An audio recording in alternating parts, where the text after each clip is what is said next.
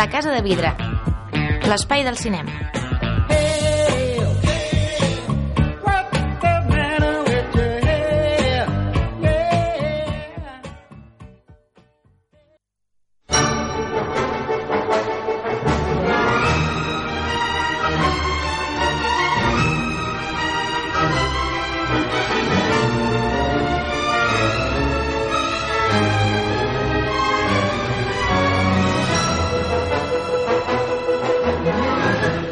Aquesta música superèpica de Jerry Goldsmith, eh, el compositor que ocupa el nostre mes d'abril eh, com a homenatjat, aquest mític compositor que va fer aquesta música per la pel·lícula eh, el, el primer gran assalto al tren del 1978 dirigida per el Michael Crichton l'escriptor- sí, Sí, l'escriptor de Jurassic Park que déu nhi les pel·lícules que va fer Westworld entre elles Per exemple. amb aquest to allò de molt de mm, ciència-ficció, aventures, en aquest cas eh, robatoris a l'època victoriana amb el Sean Connery i el Donald Sutherland i realment una música que dona, dona ganes eh, de, de començar Dona ganes de parlar més de Marvel, tio. Sí, perquè com diu el Víctor eh, ja vam, vam avisar, eh? esteu avisats que si no us agrada Marvel aquestes No és el tres setmanes sí. eh, no és el vostre mes perquè ja la setmana passada vam encetar aquest camí a l'infinit Mhm. en tres parts eh, on traçarem eh, l'estratègia de, i, i els resultats econòmics, industrials i fílmics de l'univers Marvel de la mà del seu macroproductor que és el Kevin Feige eh, igual que la setmana passada eh, avui tornem a comptar amb el David Canto a l'altra banda del telèfon, què tal David? Grande.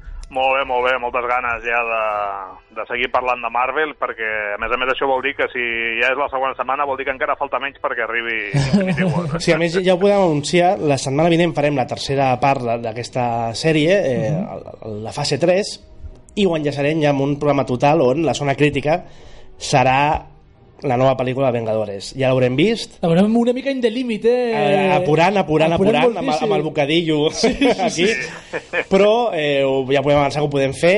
Encara haurem de decidir si entrarem molt spoilers o no, o si allò ho deixarem per la setmana següent, qui sap. Però en tot cas ja... O si ja ho farem cas als germans Russo, no? Sí. I no entrem en spoilers, No, sí, home. tens raó, tens raó. No siguem dolents, va. Tens raó. Eh, I bé, només dic que el David Canto, a part d'expert de Marvel, ja és senyor de Marvel perquè, com vam poder veure a Instagram i a Twitter, es va calçar el, el guantellet de l'infinit de Thanos, el, el còmic, i per tant avui un respecte perquè qui mana és ell, eh? Qui pot fer així amén, sí, i, sí, i sí. destrossar l'univers Mis respetos, tio. és el David. Vinga, va, agafem els bàrtols i comencem. Marvel, camí a l'infinit.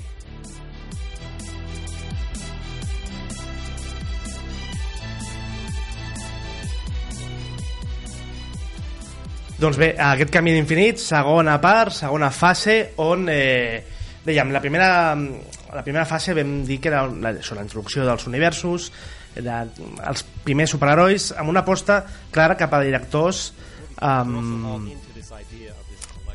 directors allò que diguéssim experimentats, que ja portaven 3, 4, 5 Sí, pel·lícules, sí.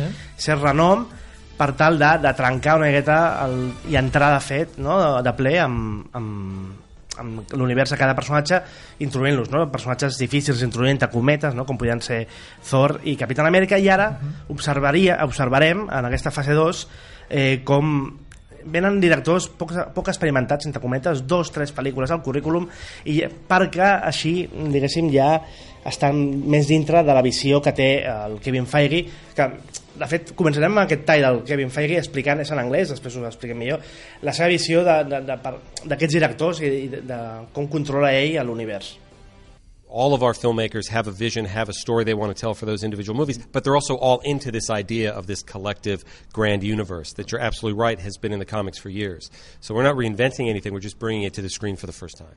Doncs res, bàsicament diu que ell no ha inventat res, sinó que els còmics ja està tot interconnectat i és el que ell volia portar al, al cinema i que sí, que respecta la visió de cada eh, cineasta, cada director, però s'ha de s'ha d'adequar al, al pla mestre que, que Marvel traça. No, no, no puc parar de pensar en l'Edgar Wright, eh? ho sento. Ara... És que, de fet, és, és el clau d'aquesta fase 2, en Sí, aquest sentit, perquè en aquesta fase, David, començarem a veure eh, certes friccions amb, i, amb els directors, no? De fet, la primera pel·lícula que obre la fase és Iron Man 3, que ja presenta un canvi de director respecte a John Favreau, que va sortir, no, no escaldat, perquè de fet ha repetit no, com a actor, però sí que va haver certa tensió amb, amb Iron Man 2.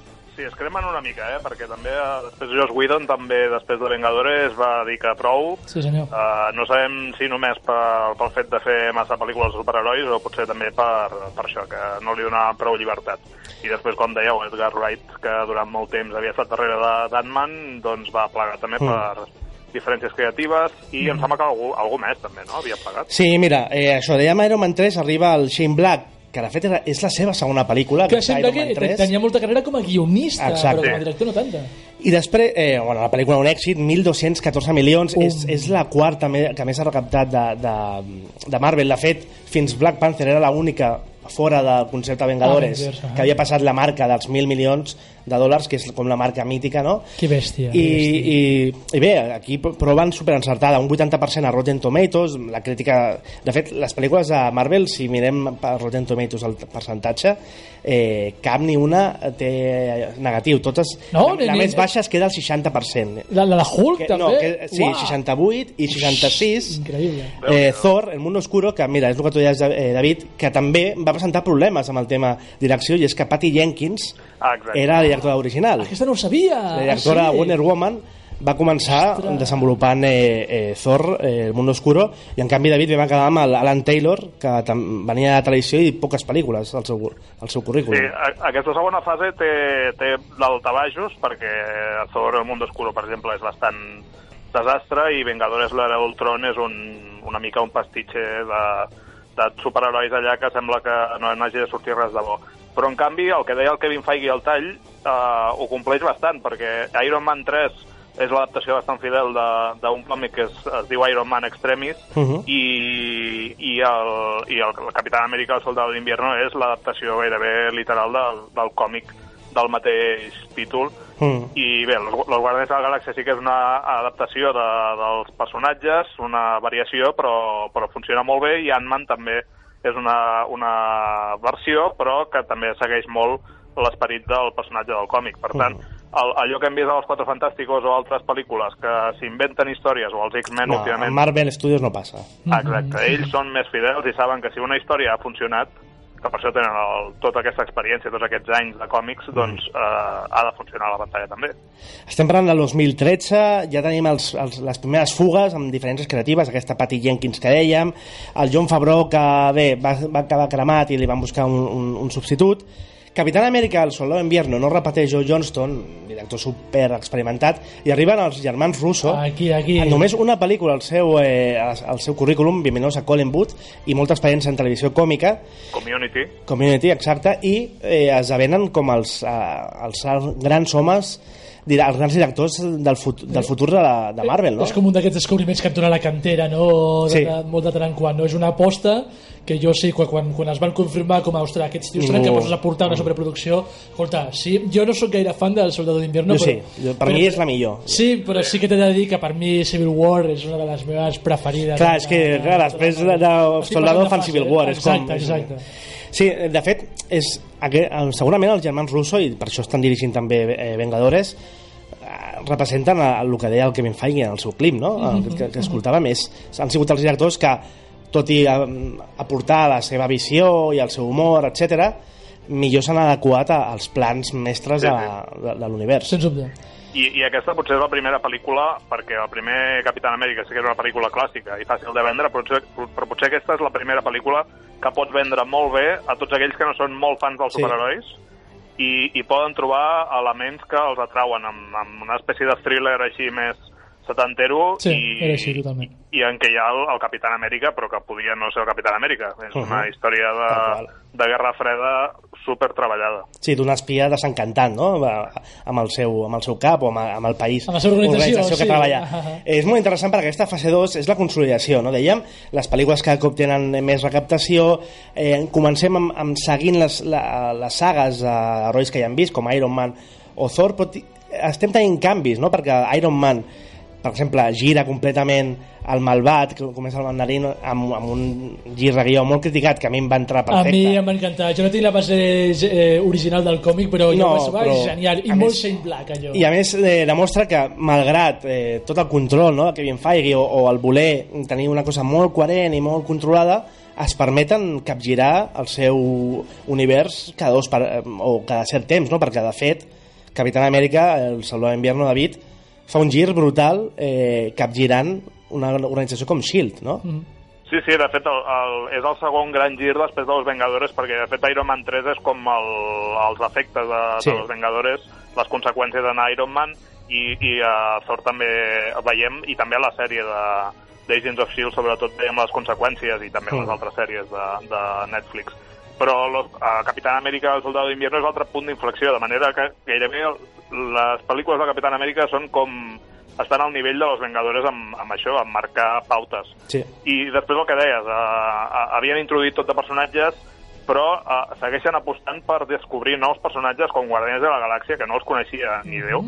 Eh, eren personatges que, de fet, al còmic eren molt més foscos Sí. i, i, i no tenien la, la gràcia que tenen aquests personatges, i jo crec que va ser una sorpresa per tothom. Capitán Amèrica ens va sorprendre perquè era un, una pujada de nivell bastant espectacular respecte sobretot la, les últimes pel·lícules, però Guardians de la Galàxia eh, canvia totalment la, el joc i a més a més obre el, fronteres amb l'univers que més enllà de, de veure extraterrestres arribant a la Terra. Sí, arriba l'era còsmica de Marvel. Sí, jo, jo en aquest sentit, l'esclat aquest de Guardianes de la Galàxia sí que veig que és molt la, la sublimació d'aquest clip que has tirat tu de, de, del Kevin Feige. Per què? Perquè és apostar per un tio molt punky, com Dos pel·lícules Gunn. només. Re Eh, repetim, eh? O sigui, tots els directors que estem nombrant Clar, de però- la segona fase tenen una o dos Però pel·lícules. és que més James Gunn, que, que uns anys abans d'estar a Guardianes de la Galàxia estava in situ a Sitges, declarant el seu amor, per, per exemple, per al cinema porno, Sí. era un tio que venia de, de, de fer un excel·lent anti-hero movie com Super, doncs Sí, sí. pum,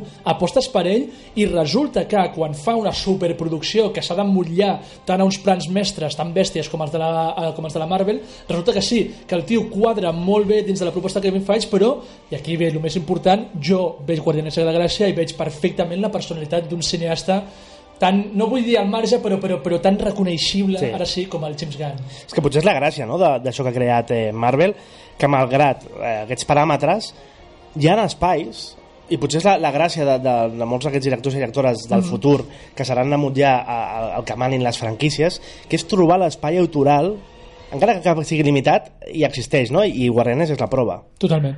Sí, sí, és una llàstima que, que Edgar, Wright no, no entrés en aquest, en aquest monyo Mm. que deies, perquè, de fet, els dos, tant el, el Gunn com ell, a les seves pel·lícules aposten per, la, per un ús de la música molt particular, Sí, amb senyor. un univers Sí, senyor. propi que, que dins d'aquest món doncs, eh, podia haver funcionat molt bé, també un Ant-Man d'ell, i, i és una llàstima, perquè no la veurem mai, la pel·lícula de- d'Ant-Man, Ja. que segur que, Sí, que ara- molt bé, també. Vam veure pinzellades, jo precisament la vaig tornar a visionar sense, gairebé sense voler la setmana passada i, i queda pel, pel, pel record aquelles dues escenes fantàstiques del Michael Peña explicant-li al Paul Rudd Sí. un plan que ha sentit ell, que es van, enca, es van en- encadenant certs flashbacks narrats sempre pel Michael Peña que jo em nego a creure que no fos directament parit per l'Edgar Wright però, però més enllà d'això sí, ens queda Sí, hi ha la, la, prova, voluntat la de- prova de pantalla, aquella famosa escena d'un ascensor. Sí. Eh, clar, és molt curiós eh, el tema Ant-Man perquè és, era la pel·lícula inicialment de fase 1, eh?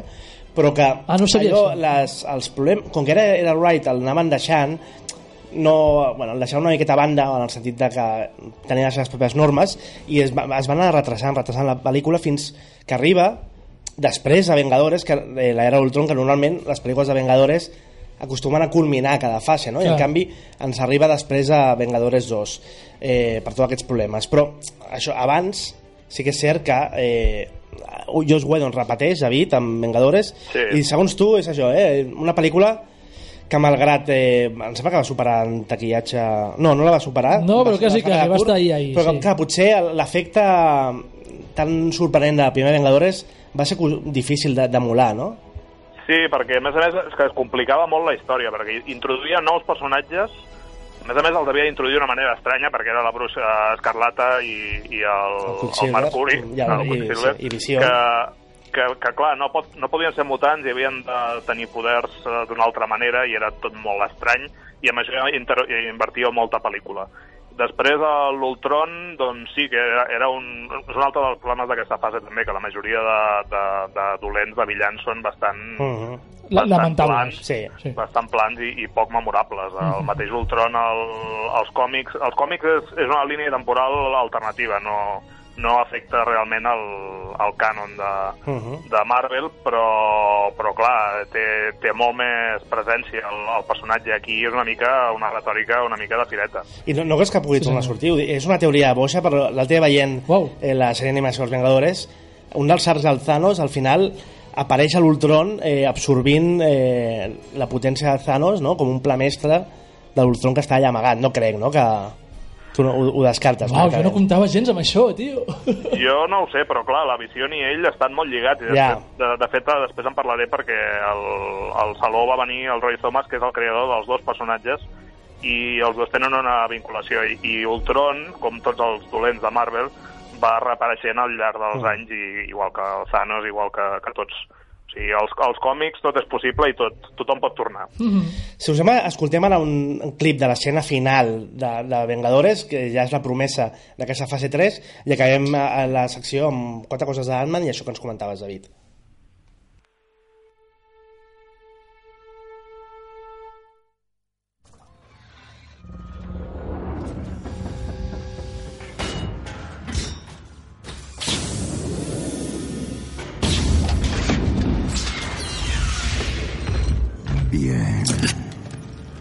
Lo haré yo mismo.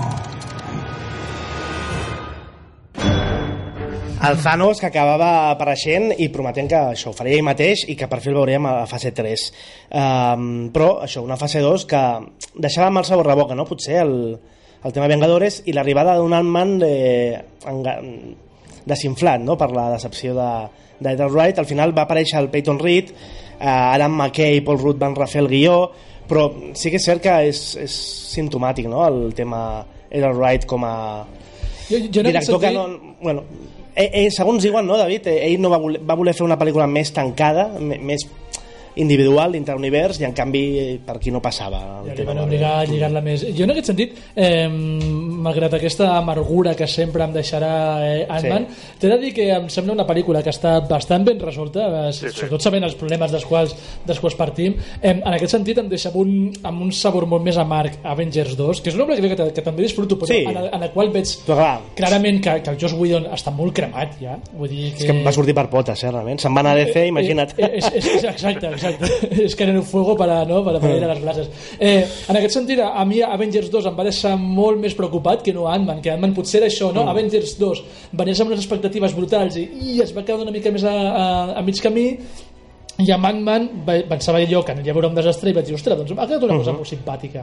És curiós, eh? I és, és simptomàtic perquè, mm, malgrat la, la decepció no? de, del tema Wright, Mm. en el fons el que confirma l'èxit d'Ant-Man és que el que està per amunt és el, és el model general, eh? I inclús és tan fort que es pot permetre perdre un director tan important com Edgar Totalment. Wright i fer una pel·lícula més que decent. Sí, sí, i, i els números tampoc enganyen, Sí. eh? Els números també quadren amb, amb, amb Batman, o sigui que ni, ni així se l'estampa la, la Marvel. Sí, sí, no? David, va, per acabar, el tema recomanació de còmics i això que ens comentaves del creador de- d'Ultron i de més que has pogut gaudir a la- a la sí, el, el Roy Thomas, que va, ser, va, va venir a parlar de Kirby al Saló, però Mm. podien haver estat parlant d'ell tranquil·lament, va ser el successor de Stan Lee com a editor de Marvel, Uau. i als anys 60 va crear un munt de personatges, amb, algunes vegades amb l'Stan Lee, altres vegades amb altres artistes, per exemple, com amb la Visió i Ultron, Lobezno, Miss Marvel, que ara coneixerem a l'univers Marvel Mhm. com Capitana Marvel, Valkyria, que hem vist a Thor Ragnarok, o l'Adam Warlock, que ja n'han parlat una mica a Los Guardianes i que segur que veurem més endavant.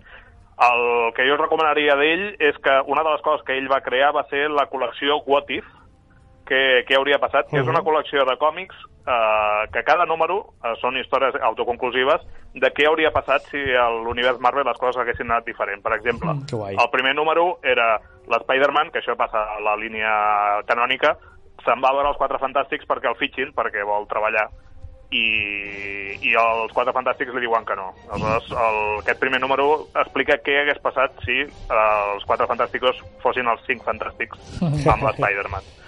També molt recomanable la mítica guerra Kree-Skrull que, que va escriure ell i que està recollida en un volum aquí a Espanya que es diu Los Vengadores 5, la guerra Kree-Skrull, que és un clàssic també. I una altra persona que va venir, un altre autor que va venir a, al Saló és Matt Fraction, que va venir a presentar un còmic una mica marcià, un molt separat dels superherois, però ell havia estat treballant a, a Marvel amb, uh, escrivint El poderoso Thor, per exemple, i va fer una col·lecció molt singular de Hawkeye, de Ojo de Halcón, que el que serveix és per, eh, segons el que ens va dir ell mateix, la seva definició de la col·lecció, eh, molt premiada, a més, eh, és eh, rec- o sigui, saber per què un personatge com Ojo de Halcón, que a molts, a molts ens costa veure en tota aquesta Sí. col·lecció de, de superherois poderosos, com un heroi tan, tan humà pot estar eh, en, un, en un grup, en un supergrup com el de. Cadres. Mm. I té un estil de dibuix molt, molt particular i és un còmic que doncs, és molt diferent de la, de la resta, és molt recomanable. A punto.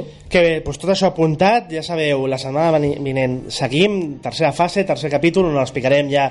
La fase, per mi, és la fase d'expansió, on apareixen molts més personatges i nous, eh, inclús noves productores, eh, per tant, tot el tema de Sony, i on eh, Kevin Feige està a punt de deixar-ho tot, ja us ho explicaré. Ho deixem aquí, el següent capítol més, sintonitzeu-nos eh, amb aquesta Sempre. fase del camí a l'infinit. David, moltes gràcies. A vosaltres. Eh, nosaltres seguim amb Wes Anderson, que déu-n'hi-do, eh? no, no es baixa el nivell. Bien. La zona crítica.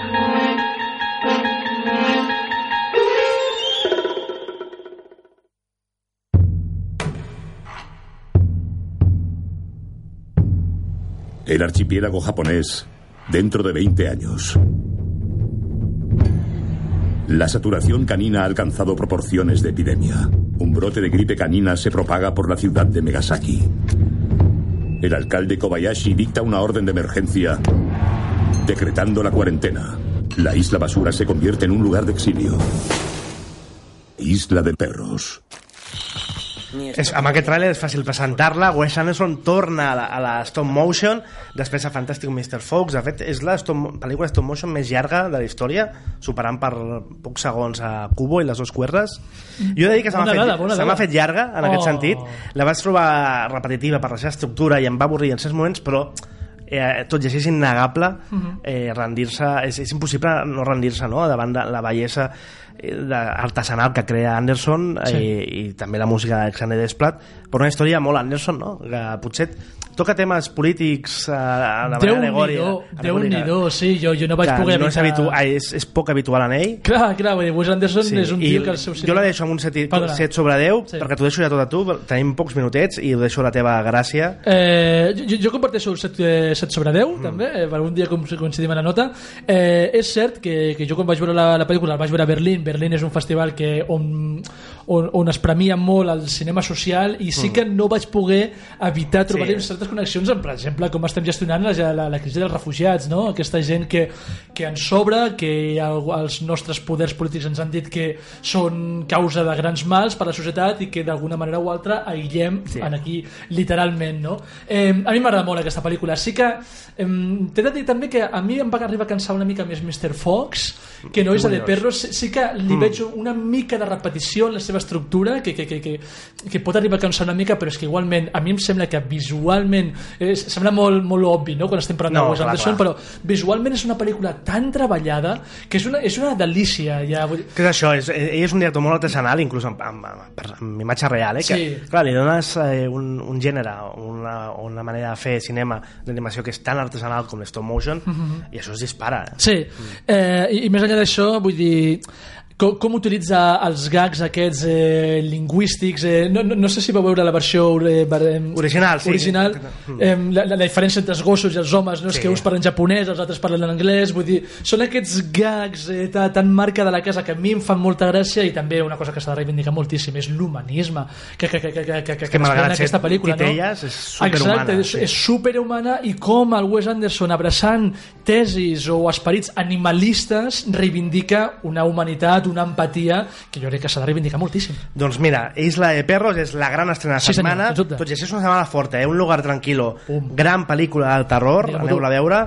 Eh, custòdia compartida, pel·lícula dura. Sí, senyor, duríssima, duríssima. eh, Francesa sobre un divorci molt complicat, Bailando la vida, eh, cinema britànic de comèdia, i les és eh, termodinàmica que ho podeu obviar, perquè a més tindreu temps també d'anar al BCN Film Fest, als Berri, que tornen aquest Amén. segon any, i per tant, eh, propostes no us en sobren, al contrari, eh, està, està ple de plans al cinema Mhm. i fent temps no, per anar a veure Vengadores a i ja tancar nosaltres el tema, l'obsessió Marvel. Ahà. Tanquem amb Jerry Goldsmith i precisament una altra incursió als eh, superherois i és que va fer la música de Supergirl allà als anys 80. Uau. Fins aviat, moltes gràcies. Ciao. Adéu.